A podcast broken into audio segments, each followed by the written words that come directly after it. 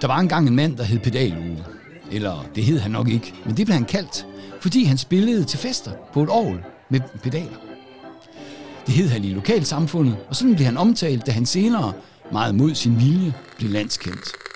Ove Hansen, hovedpersonen i den såkaldte Pedal-Ove-sag, var i dag selv i vidneskranken. Ove Hansen, bedre kendt som Pedal-Ove. Pedal-Ove-sagen. Pedal Ove var gift med Britta, og de havde et barn.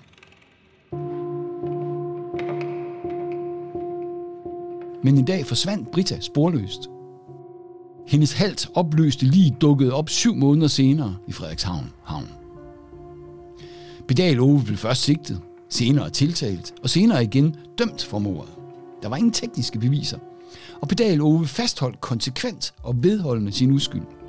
Under straffesagen, under fængslingen, senere da han blev prøveløsladt, og selvfølgelig da sagen ekstraordinært blev genoptaget, og til sidst på sit dødsleje. Mens Pedal Ove sad i fængsel, var der to journalister, der interesserede sig for sagen. De lavede blandt andet en dokumentar, der blev sendt på tv i DR, øh, politiets blinde øje. De mente at kunne påpege fejl hos Frederikshavns politi. Og der var der også fejl. Det var ikke altid, at forklaringer blev vedstået, altså det, at den nedskrevne rapport blev accepteret øh, af den afhørte. De to journalisters udsendelse var uden tvivl medvirkende til, at den gamle straffesag, altså der hvor Pedal Ove blev dømt, øh, den blev helt ekstraordinært genoptaget, og Pedal Ove blev frikendt her i anden omgang, og så bliver han selvfølgelig tilkendt en erstatning. Men i tv-udsendelsen, der var der blandt andet følgende tekst. Hvorfor forsvandt den afgørende del af Janne Nielsens forklaring?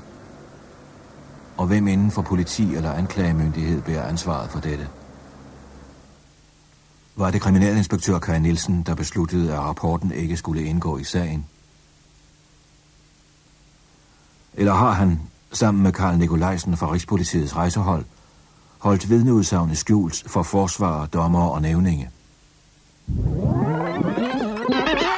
Det var teksten, og der er jo tale om en grov beskyldning om, at en navngiven efterforsker med vilje har undladt at lade afgørende materiale indgå i sagen. Det er en grov embedsfejl.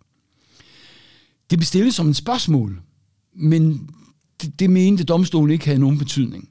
Der er rettet en beskyldning. Så spørgsmålet var, var det her en ærekrænkelse? Er det en strafbar ærekrænkelse? Den kom helt til højesteret. Højesteret siger, de tiltaltes formål, de tiltalte, det var altså de to journalister, de tiltaltes formål med udsendelsen, at foretage en kritisk vurdering af politiets efterforskning, er en berettiget varetagelse af pressens opgave som offentlighedens kontrol- og informationsorgan, altså som public watchdog. Men det retfærdiggør ikke enhver sigtelse. De tiltalte har ikke haft grundlag for at fremsætte en så alvorlig beskyldning mod en navngiven polititjenestemand, og de tiltaltes mulighed for at opfylde udsendelsens formål krævede på ingen måde, at de spørgsmål, som tiltalen angår, blev medtaget. Emnet for udsendelsen, altså om Pedal Ove øh, var dømt med rette, har selvfølgelig stor samfundsmæssig betydning, og journalister, der beskæftiger sig med den slags, nyder stor retlig beskyttelse.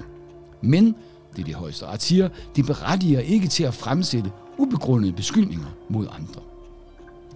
Det kostede de to journalister 20 dagbøder af 400 kroner og 100.000 kroner i godtgørelse til den navngivende efterforsker.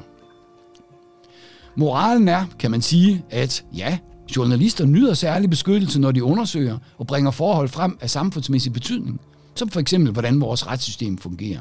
Men nej, det er ikke et fripas for journalister til alt muligt.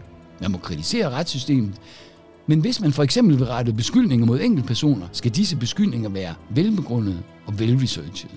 Det var de ikke i denne sag. Det skal siges, at højesteret ikke var enige. Der var to dommere ud af syv, der ville frifinde. Det samme mønster går igen ved den europæiske menneskeretsdomstol, hvor sagen blev indbragt. Det er sådan, at de, de to journalister, der, der blev dømt, øh, indbragte sagen for den europæiske menneskeretsdomstol, som, som behandler sagen. Det er jo et spørgsmål om ytrings- og informationsfrihed. Her altså kan man videregive den her slags informationer, uden øh, at blive øh, forhindret derinde. Et mindretal ved den europæiske menneskerettighedsdomstol finder, at sanktionen mod de to journalister er i strid med artikel 10. Men Ligesom i Danmark var der et flertal, der finder, at straffen og sanktionen er i overensstemmelse med artikel 10 der beskytter ytrings- og informationsfriheden, og her særligt journalister i deres rolle som offentlighedens vagthund, altså som public watchdog. Heller ikke vagthunde må bide de forkerte.